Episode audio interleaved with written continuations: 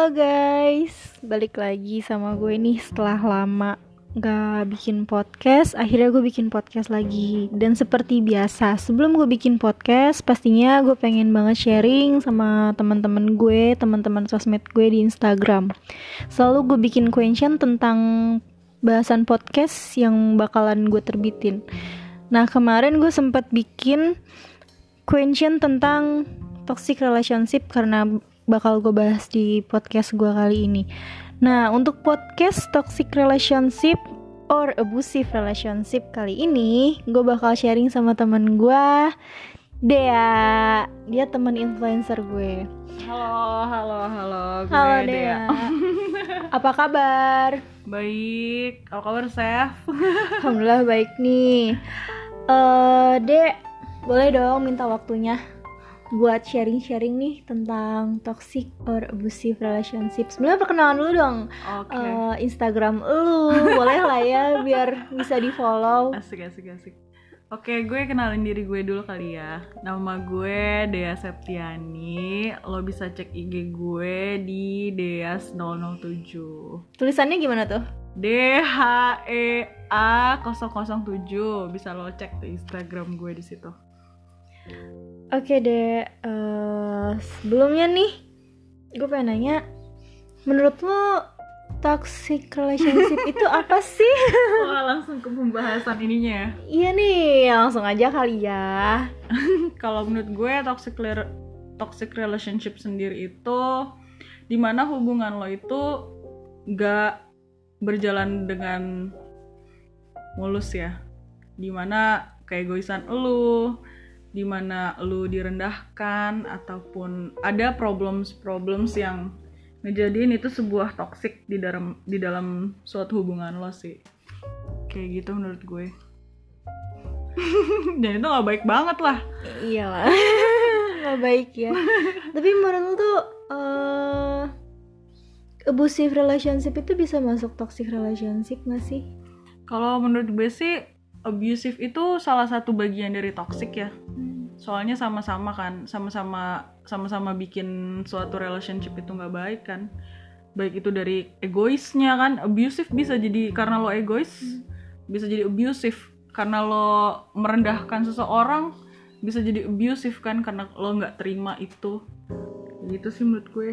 Nah kan kemarin gue juga sempet sharing nih di Instagram gue tentang toxic relationship. Ternyata Asik. banyak banget lah ya. Iya serius. Kayak, oh ternyata Banyak banget orang yang ngerasain, yang ngerasain toxic kayak ya. hampir ada 50 atau 60 persen mungkin ya Hmm. dari penghuni di muka bumi ini banyak banget ya emang toxic, yang toxic mengalami relationship yang toxic berkeliaran. relationship itu sendiri. Hmm. Lu pernah gak sih ngalamin? Toxic relationship di hidup gue. Aduh gila. Gue ngalamin sih. Gila-gila gue ngalamin sih gue ngalamin toxic relationship itu. Ya toxic. Gimana sih toxic? Nggak baik banget. Kalau lo sendiri deh lo sendiri deh. Lo dulu deh Chef lo gimana Chef Gimana ya? Eh pernah sih gue dan itu lama. ah gila. Gila, Ya gila. bagi gue itu waktu yang lama ya. Mungkin kalau misalkan dipakai buat nyicil motor udah lunas. selama itu ya gila dan kadang kan eh, toxic dan abusive relationship ini dihubungkan dengan kekerasan. Terus Hmm. juga ketidakjujuran pasti lah ya. banget lah Nah, gue tuh sebenarnya kayak mengalami itu semua cuma alhamdulillahnya masih alhamdulillah ya gila. ya udah toxic udah toxic alhamdulillah ya. Cuma emang gue bersyukur banget lo ya alhamdulillah ya nggak di nggak mengalami kekerasan sih dalam toxic relationship itu cuma pernah direndahkan ya tapi bukan direndahkan dalam tanda kutip ya gitu Hmm. direndahkan kayak kalau lu nggak sukses gue nggak mau sama lu deh gitu Gila sih. udah sampai segitunya Hmm. gitu kan ya tiga tahun gitu kan gue berada dalam apa sih toxic Zona itu. relationship itu. gitu kan kejahatan. Gue nggak tahu sih ini masuk menurut lu tuh masuk kejahatan verbal gak sih? Atau gimana kalau direndahin sampai ngomong kayak gitu? Kalau direndahin sih pasti udah masuknya ke verbal sih, Wak. Karena ya suatu hubungan lo kalau udah lo mainnya perkataan yang kurang baik ya Hmm. masuknya ke ver- verbal tadi ya nggak sih? Dan itu verbal juga salah satu dari toxic relationship kok gue juga pernah sih kayak dikatain kebun binatang gitu kan oh my god waktu sumpah itu lo. waktu pas sekolah pas sekolah gitu gue dikatain sampai segitunya gitu dikatain cuma karena telat balas chat 10 menit kalau nggak salah ya ampun itu ya Allah ada gila labil nggak tahu masih labil mungkin masih Ah. belum bisa ngontrol emosi kali ya sih. yang gue nggak paham tuh itu sih mungkin karena pas masih sekolah karena gue seumuran sama Mhm. dia gitu kan terus eh apa yang gue nggak paham itu pas gue bertahun-tahun ini sih Hmm. Emang lu udah pernah diapain aja sih sampai ya bertahun-tahun kayak gitu? Parah sih. diapain ya Cuman gini gak sih? Pernah mikir gak sih lu kalau kalau dalam suatu relationship ya, kalau Hmm. ngomong-ngomongan kayak misalkan sorry nih, misalkan Hmm. ngomong anjing gitu. Mm-mm. Menurut lu, menurut lu pribadi gitu, itu parah gak sih? Soalnya kalau misalkan ya relationship kan friendship dulu dong, ya gak sih? Sebelum lu jadi relationship, lu friendship dulu gak sih? Mm. Kalau gue iya. Terus kayak kalau misalkan lagi bercanda-canda gitu juga kadang suka eh anjing lah gitu, gitu. J- Terus ya itu bercanda sih, konteksnya kita emang bercanda. Eh, terus eh, kalau sampai seserius itu ya sampai jadinya toxic kayak gitu dan ngebebanin lo sih ya parah sih. Cuman kalau menurut lo pribadi deh, kata-kata kayak gitu tuh gimana sih? Kalau gue pribadi sih ng- nanggapnya ya bisa jadi kata-kata yang eh, kasar itu anjing binatang kayak gitu kayak bisa gue jadiin sebagai bercandaan gitu ya nggak sih di dalam friendship pertemanan Hmm. atau kan sebelum relationship menurut gue pribadi kan friendship dulu.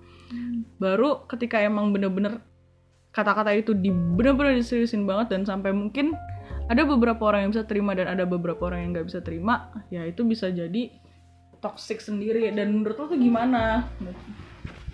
Gimana menurut lo Iya, termasuk toxic relationship itu masuknya kejahatan verbal sih ya. Udah masuk abusif. Abusif itu berarti masuk dalam rangkaian si toxic relationship itu sendiri. Karena nggak nggak ada hak sih gitu. Kecuali emang nggak tahu sih ya gue orang kan berbeda-beda. Bercanda. Kalau bercanda ya mungkin. Cuma kan di sini kebanyakan orang yang menggunakan kata-kata seperti itu untuk ngatain. Untuk menunjukkan iya gak sih? Untuk nunjukin kebenciannya dia gitu sama pasangan yang padahal itu cinta gitu kan. Asik. Cuma ya apa namanya? Cuma ya gitu kayak salah caranya tuh salah gitu kan. Ada yang eh tapi kadang orang yang suka dikatain gitu orang yang udah sadar udah tahu kayak ini salah. Tapi dia terjebak dalam harapannya sendiri. Berharap si Hmm. pasangannya akan berubah sama sih kayak gue. Gue berharap banget itu dia pasti berubah gitu. Gue percaya dia Oh. berubah. Tapi kenyataannya Hmm. nggak cocok ya udah. Lo yakin gak sih dengan adanya seseorang itu bisa menjadikan lo berubah?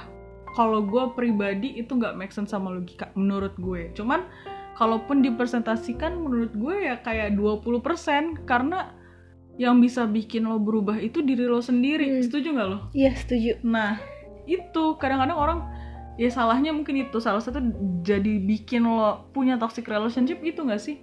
Ketika lo ngerasa ah, orang ini misalkan buruk, bad boy lah misalkan Hmm. atau bad girl. Terus gue kepengen jadi seseorang yang bisa merubah dia dengan sisi dia yang seperti itu. Itu percaya diri sekali Anda. kok jadi kayak denial ya jadi kayak apa ya lu udah tahu eh lu udah tahu dia dia dia nggak akan berubah gitu kan Ah, tapi yang emang bener gue pernah denger dari kata-kata mantan gue Oke, baiklah. yang jadi temen gue dan seperti kakak gue sekarang dia bilang Mm-mm. eh yang sebenarnya yang menolong kita itu dari kita sendiri Hmm, that's good. kita itu bersama diri kita sendiri Mm-mm. yang lain hanya membantu Yep, yang betul. lain tuh kayak apa sih tangan-tangan pertolongan dari Tuhan gitu kan Hmm. buat ngebantuin kita ya, kayak ya, gitu ya, ya, ya, tapi ya. yang bisa berjuang ya kita sendiri gitu Ya, benar, benar, benar. Kayak yang pernah gue tonton di salah satu film Trolls, Iya. ya nggak sih? Yang bikin happy diri lo ya lo sendiri. Perasaan lu itu sendiri. Yang bikin lo bad juga ya diri lu sendiri gitu Nah, nggak itu. sih? Ya gitu. Gimana caranya lu bisa membuat ya mungkin butuh waktu ya. Mm, orang yang da- yang tadinya misalkan terkena abusive lah misalkan Hmm. kekerasan pasti psikisnya kena dong ya nggak sih? Pasti. Psikis batin lahir mungkin ya. Lahir dan batinnya mungkin kena Iya. gitu kan. Ya perlahan gitu ya mungkin ada yang sampai bisa berpikir nggak sih? Kayak gue nggak bisa nih kan gue disakitin sama dia gitu. Sampai bisa bikin orang itu jadi stres gak sih? Ya nggak sih? Yang orang yang nggak bisa berpikir misalkan yang nggak bisa menerima gitu. Mm, bisa bikin orang tuh jadi stres dan segala macem lah yang mm, negatif gitu.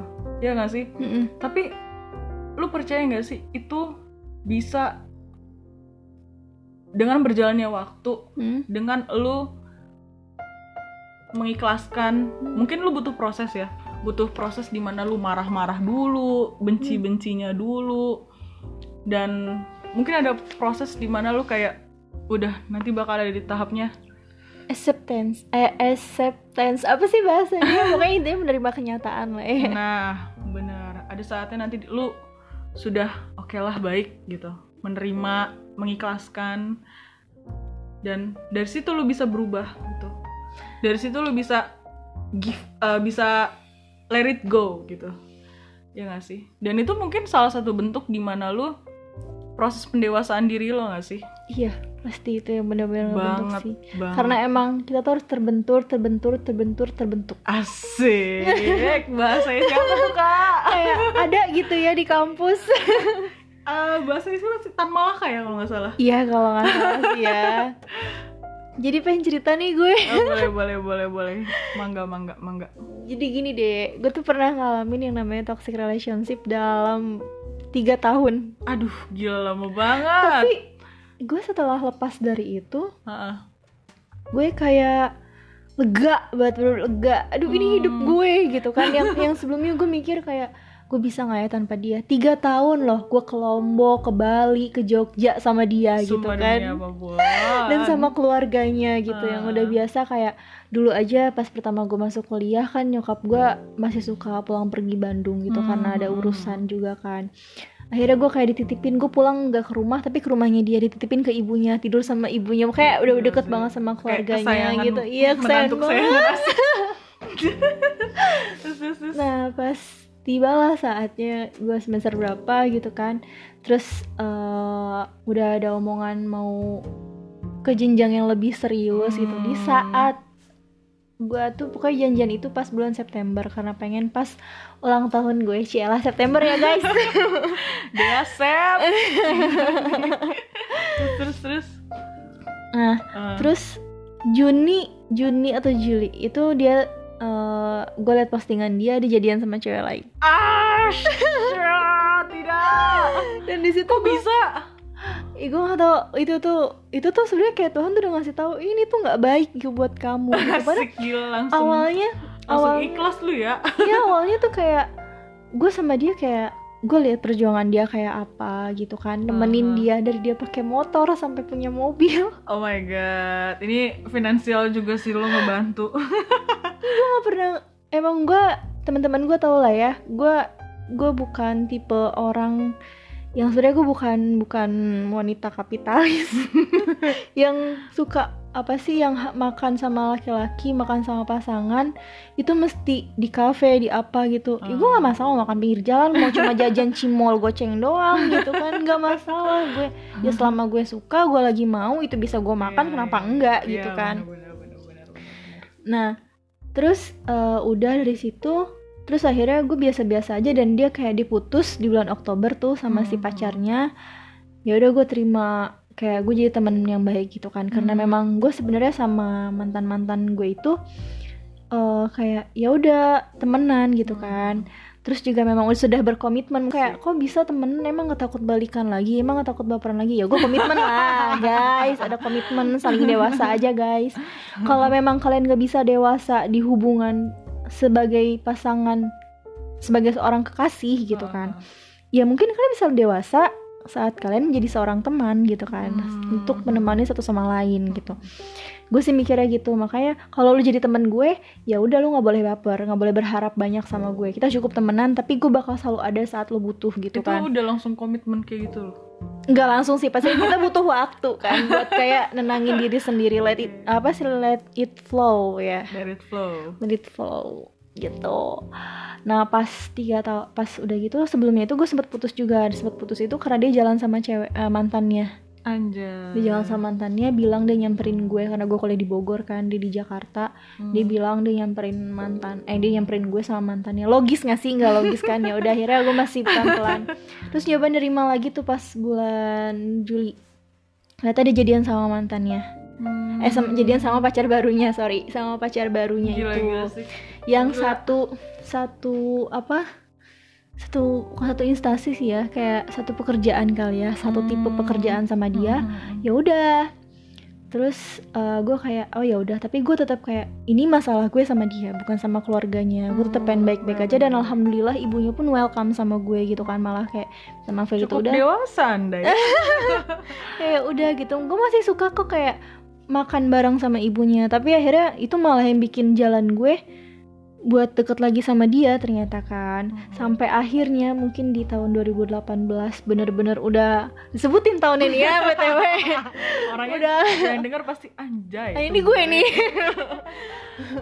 pokoknya adalah di semester itu gue bener-bener pokoknya gue tuh setiap kali gue pacaran sama siapa pun ntar baliknya sama dia lagi Hmm. pasti kan kita mikir kayak oh berarti gue jodoh kali ya sama dia gitu kayak balik Oh lagi sama dia God. terus pasti kan gitu gak sih Iya. terus kayak berharap dia pasti berubah lah gue kan udah sama yang lain gitu kan dia pasti ngerasa gini gini gini dia udah introspeksi ternyata nggak ngaruh Hmm. kalau memang wataknya udah begitu ya begitu gitu kan Ih sumpah sih, gue gue makanya gue tuh suka heran sama orang-orang yang punya pemikiran gue bisa ngubah dia gitu.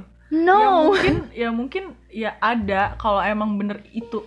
Kalau misalkan emang Tuhan menciptakan lu untuk memberikan dia hidayah ya mungkin. Hmm. Cuman nggak kayak sejuta satu nggak sih? Atau mungkin kalau itu yang bakal bener terjadi tuh kayak 100 ribu atau 100 ribu berbanding 30 lah gitu. Nggak nggak se nggak ini tuh kayak bukan film-film sinetron gak sih? Ini dunia nyata yang Iya. di mana lu cuman bisa memberikan jalan dia yang akan mengikuti. Kayak gitu. Nggak 100% lu bakal ngubah dia no. Dia Tapi juga emang proses. Kalau gitu. kita lu juga mau- proses. kalau kita mau ngubah orang emang kita harus nguatin diri kita dulu sih. Hmm. gitu kita harus konsisten sama diri kita sama Hmm. perubahan kita untuk jadi lebih baik baru kita bisa nguatin orang. Kalau kitanya nggak kuat yang ada kita ke bawah ya nggak sih? Iya.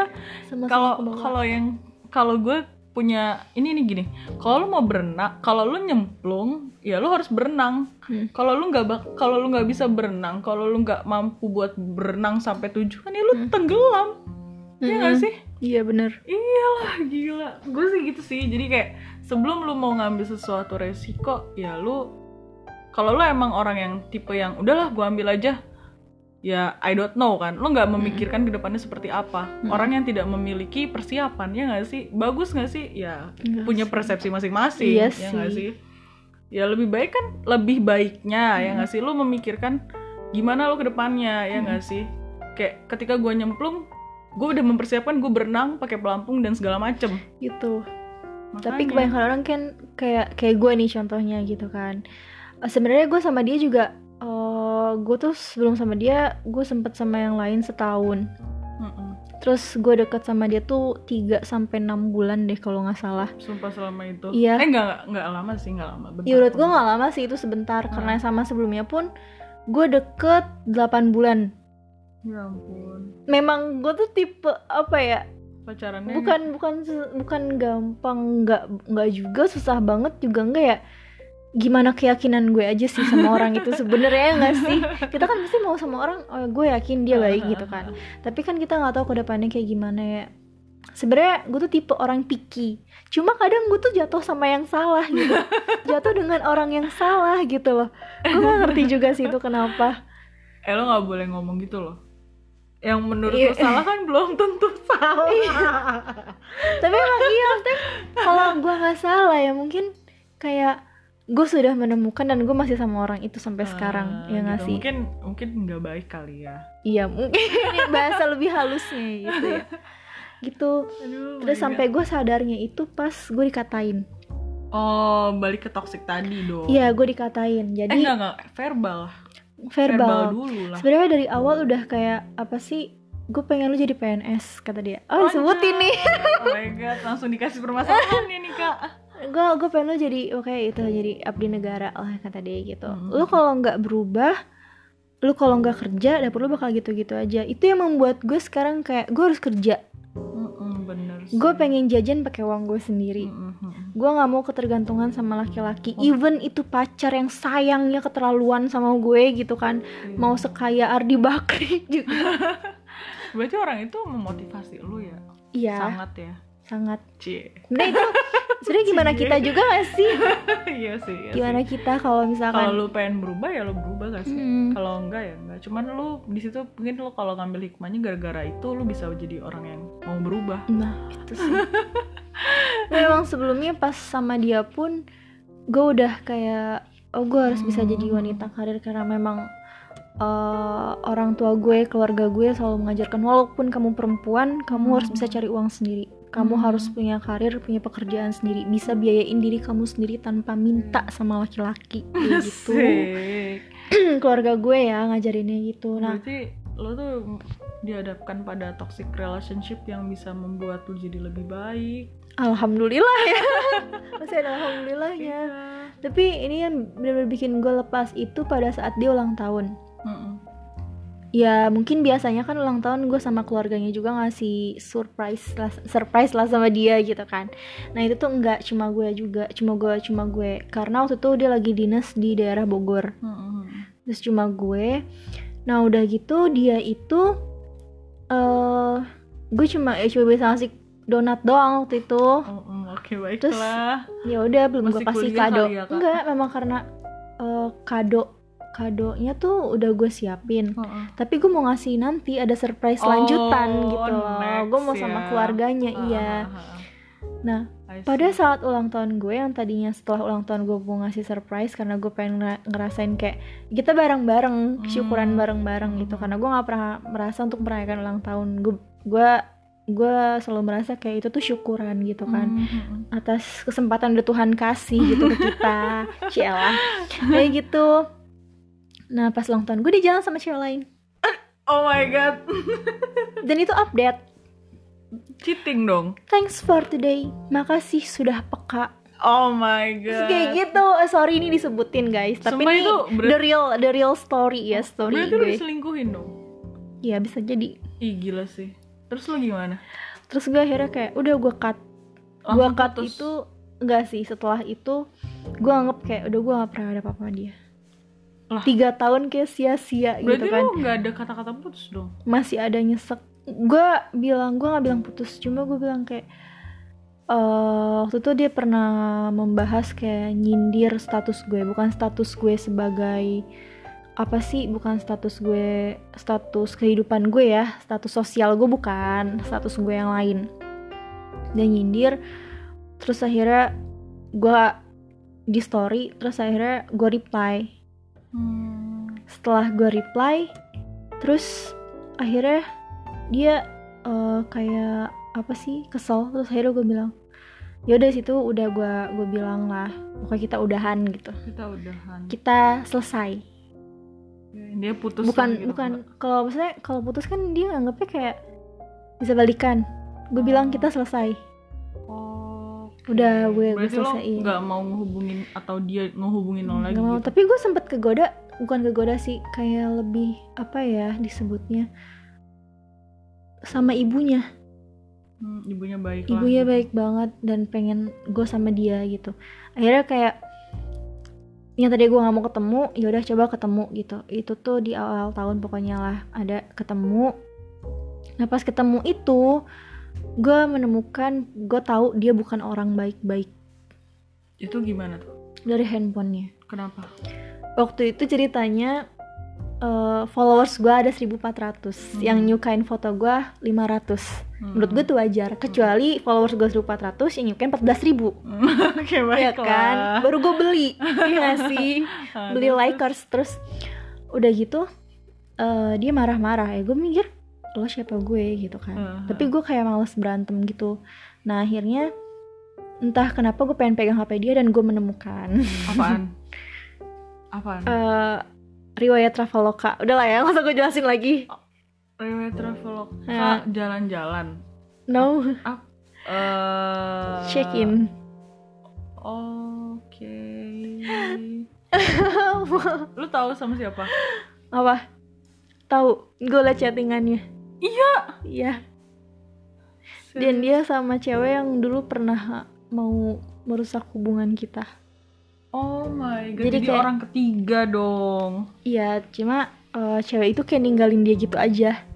Hmm. gitu. I don't know sih kenapanya gitu. Cuma ya udah gue udah cukup tahu dia kayak gitu. Tapi ketika lo lagi berantem nih sama dia kan ada orang ketiga, Hmm. lo dikasih tahu nggak kenapa dia bisa sampai ada orang ketiga? Apakah dia udah Nggak, mulai selalu bosan? alasan.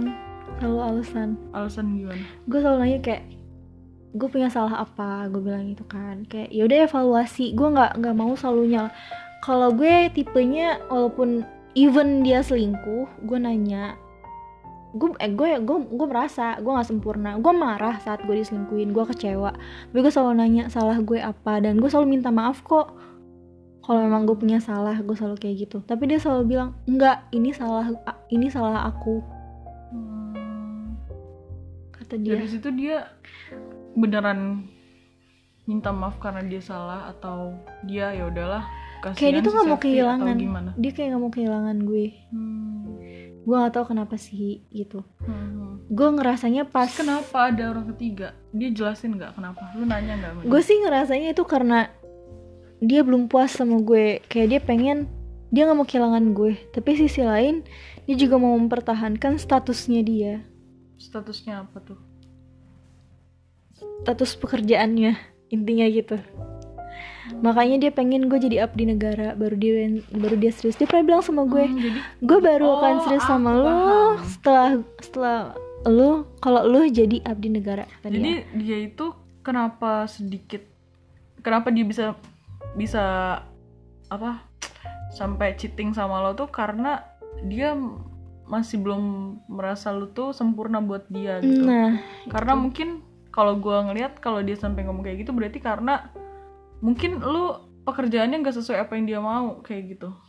Nah itu dan kalau kalau gue ya nggak cuma gue mungkin yang lain juga pasti akan bersama dengan orang yang mau menemani bukan yang menunggu Ya kan? Hmm. yang nemenin karena yang nemenin pasti lebih paham dia kayak gimana dan mungkin gue di sini bukannya mau ngejelekin ya cuma maksudnya buat pelajaran juga nih buat yang nanti ngedengerin podcast gue ini untuk lebih hati-hati dan lebih sadar diri aja jangan sampai buang-buang waktu kayak gue gitu kan kayak pengalaman pahit gue ini cuma ya alhamdulillahnya di situ gue udah kayak apa sih udah aja gue kayak lega pas lepas dari dia. Tapi pernah gue tuh ngalamin sama mental illness tau gak sih? Gila sih itu parah, mental illness itu parah sih menurut gue. Sumpah parah, emang parah banget. Sampai kayak gue merasa hidup gue udah gak berguna lagi. Serius lu. Iya pernah gue sampai kayak gitu. Hmm. Tapi itu bukan sama yang tiga tahun Justru yang sama, sama yang sebentar Cuma tiga bulan. Dan itu kita gak ada status pacaran. Hmm, kalau gitu sih I don't think so ya karena lu juga kayak masih digantungin sih menurut gue kayak gitu. Kayak nggak ada hubungan gitu. Kalau nggak ada hubungan sih coba deh what do you think? Lo nggak lo nggak punya hubungan sama dia tapi kayak lu sampai ah gue gue gue sampai memikirkan yang mungkin sampai lo bilang tadi mental illness coba deh. Lu mengkoreksi nggak sih? Ada yang salah di situ? Gue sih yang salah. Sebenarnya eh, Yang namanya wanita itu punya insting Punya naluri yang kuat. Naluri gue tuh udah berkata Dan mungkin Allah juga udah nunjukin ya eh apa sih namanya ditunjukin lewat mimpi. Kayak gue sering banget dimimpiin dia sama wanita lain atau apa gitu. Cuma gue pribadi yang melawan itu dengan perasaan gue yang gak tega sama dia gitu. Gue gak tega buat marah sama dia. Gue nggak tega ya gue nggak tega marah lama-lama sama dia gue nggak tega ninggalin dia sendirian gue nggak mau ngebiarin dia kesepian kayak gitu. Yang akhirnya nyiksa diri gue sendiri yang pada saat gue dihianati dia tuh sempet dia tuh eh, dia tuh memang nggak nggak nembak karena dia tahu gue nggak mau pacaran. Udah pokoknya yang tiga tahun itu pacar terakhir gue. Tapi kan tadi lu bilang dari mimpi dan segala macam. Lu meyakini mimpi lo dan mungkin ketika lu bilang lu itu lu yang lu yang sudah memberikan gue nggak mau pacaran gitu. Berarti lu udah tahu dong batasan dan segala macam Iya. dan resiko yang lu harus hadapi ya gak sih? Itu gue melawan insting gue naluri gue dengan perasaan gue sendiri. Jadi eh, dia tuh kayak ngajak serius gitu. Katanya sih mau ke jenjang yang lebih serius tau lah kan terus dia udah sampai bilang sama temennya katanya mau serius sama gue sampai udah ditentuin waktunya. Cuma ya mungkin emang gak jodoh kali ya belum jodohnya. Terus dia jadi sama yang lain. Ya gue sih ya udah gitu. Gue juga introspeksi oh iya gue terlalu terlalu egois gitu kan. I don't think so gitu. Cuman uh, kes menurut gue pribadi gitu mungkin kesalahan-kesalahan wanita yang mungkin mungkin seluruh Indonesia mungkin ada yang pernah mengalami hal yang seperti lo bilang Hmm. tadi ya orang itu sudah memberikan komitmen pada diri di- diri mereka sendiri bahwa mereka itu gue nggak mau pacaran gue nggak mau pacaran sama mereka gue nggak mau pacaran sama seseorang itu misalkan Hmm. ya berarti ya mau nggak mau mereka harus sudah tahu posisinya seperti apa perlakuannya seperti apa kayak gitu Nah itu tuh gue kayak muna juga sih sebenarnya. Mungkin pada saat itu kan gue gue sadar kok pada saat itu gue lemah, eh benar-benar lemah daripada sebelumnya gitu kan. Mungkin kalau dia nembak bakal gue langsung terima Hmm, gitu kan. hmm, Cuma kan dia juga nggak nembak. jadi ya hmm. udah, Ya Beda itu, lagi sama yang sekarang ya. itu sayang banget mungkin Tuh. ya itu banyak juga kok orang yang punya ah yang lo yang lo yang lo ceritain tuh banyak Mm-mm. banget banyak banget orang yang kayak ya rata-rata cowok-cowok yang kayak gitu ya cowok-cowok yang mungkin zaman sekarang bakal bilang fuckboy Mm-mm. ya nggak sih Mm. yang kayak gitu doang yang itu justru lebih banyak menderita tuh perempuannya atau mungkin orang yang disakitinnya tuh kayak bukan disakitin sih karena sebenarnya gue nggak bisa bilang disakitin karena mereka nggak punya suatu hubungan bisa nggak sih bi- dibilang komitmen antara lu sama dia bisa nggak Komitmen iya bisa bisa. itu eh, ya gitu deh Tapi nggak kuat komitmennya. Dan ya gue selalu sadar ini yang selalu gue pegang. Di mana orang tidak ada yang mampu menyakiti kita kecuali kita memberikan kesempatan itu kepada dia. Nah, that's betul, betul banget, betul banget. Itu kan sama aja kayak lu memberikan Kesempatan, di Kesempatan, ruang buat dia iya, nyakitin gue buat gitu dia. kan. mungkin dia bisa berpikir kayak gini. Toh gue nggak pacaran sama Hmm. dia gitu. Ya gue sama siapa pun suka-suka gue, ya nggak sih? Nah, Itu. tapi padahal dia sendiri kalau ngeliat gue sama yang lain nggak mau gitu. Mukanya beda banget deh, beda banget kan. Dan memang orang sekeliling gue yang namanya gue bukan tinggal di pesantren ya. Oke. yang semuanya tuh uh, sat- mahrom gue gitu kan maksudnya kayak yang semuanya tuh kayak ya ukti gitu Iya, kan kayak ya ahwat ihwan oh my ya. god yang ahwan ih apa eh yang ahwat eh, ya ahwat ihwan gitu kan Uh-huh. bukan bukan jadi gue campur gue berada di Ya, kampus gitu Seluruh kan lingkungan lah, Iya. intinya, lingkungan umum. lingkungan umum dan ya emang dari kecil gue temenan sama cowok gitu Mm-mm. sampai sekarang teman gue pun banyaknya cowok dan gue lebih maksudnya kayak sering ke mana-mana sama cowok tapi nggak sering nggak jarang juga gitu gue sama cewek ya sering juga gitu Hmm. kan cuma sama cowok juga gitu dan ya menurut gue sebanding sih 50 satu banding satu lah teman gue cowok sama cewek itu tuh Hmm. gitu terus Dan tapi si namanya dia itu nggak suka nggak suka kayak gue ngelihat gue sama abang gue cuma gue diem kayak gue nggak mau salah sangka. Dan pas gue tanya ke sesama laki-laki kalau ekspresi kayak gini gimana ternyata kayak cemburu Chef gitu. Sadar gak sih Hmm. cemburu gitu kan. Nah dan kasus ini juga yang gue temuin kayak yang orang ceritain di DM gue gitu kan. Di Hmm. apa sih ruang ruang question gue itu gitu ternyata ke- kecemburuan gitu yang lebih banyak untuk memancing adanya toxic relationship Hmm. dan ketidakjujuran gitu ya selingkuh Ih, itu Iya banget sih, banget. Itu salah satu relationship yang paling banyak orang rasain tuh cheating perselingkuhan Hmm. ketidakjujuran Mm-mm. itu kan lu uh, menurut lu sendiri dah menurut lu sendiri dari uh, perselingkuhan nih perselingkuhan yang lu sedang alami kan banyak perselingkuhan yang lu alami dalam relationship lu. Atau bisa disebut dengan toxic relationship lo itu. Iya, iya. Uh, ada gak sih beberapa nilai yang bisa lo sharing ke teman-teman podcast lo yang dengerin?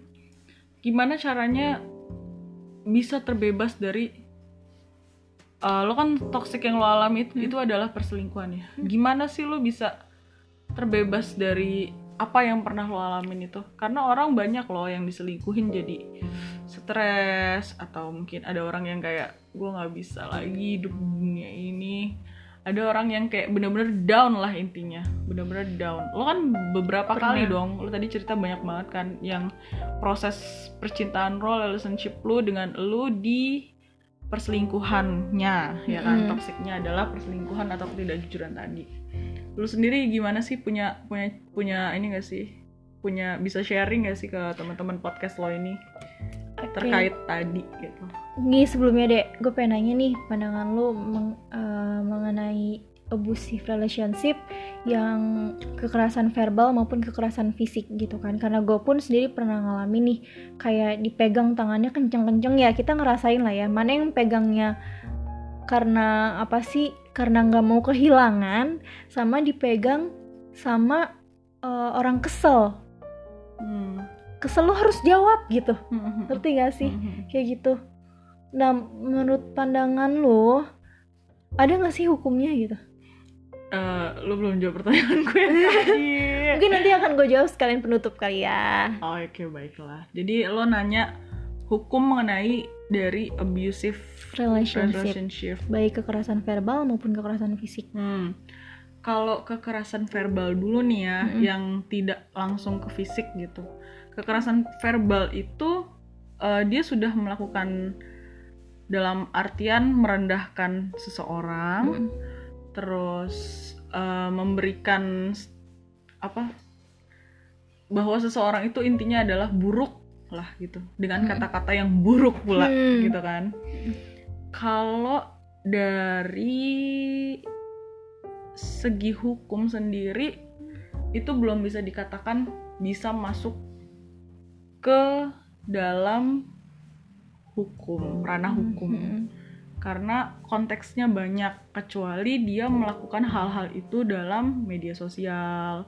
Sudah mencerma- mencemarkan nama nama baiknya dia kayak gitu. Kalau udah seperti itu bisa atau mungkin eh udah masuk ke ranah yang di mana dia merasa terganggu. Dalam artian eh gimana ya? Eh, sudah sudah apa sih? Kurang kurang apa ya udah benar-benar ini deh kebebasannya dia direnggut dalam artian banyak kan kekerasan ya. Kekerasan tuh kan banyak banget. Kalau verbal tuh belum bisa dikatakan itu dalam artian tidak bisa tidak bisa karena banyak orang yang menyebutkan itu kayak konteksnya ya paling bercanda ya gak sih? Mm. atau ya separah-parahnya mungkin itu yang tadi gue sebutin. Mungkin kalau udah masuk ke ranah yang tadi tuh pencemaran nama baik kayak gitu mungkin bisa cuman kalau dalam konteksnya atau mungkin dia sudah mulai ngomongin macam-macam macam-macam segala macam di ranahnya di media sosial ya udah ada kan sekarang soalnya hukum eh, undang-undang mengenai IT ya Iya. di situ dilindungi kayak ITE, gitu. un- Iya, ITE. betul. Kalau kekerasan udah tahu dong pasti ya kalau udah Iya.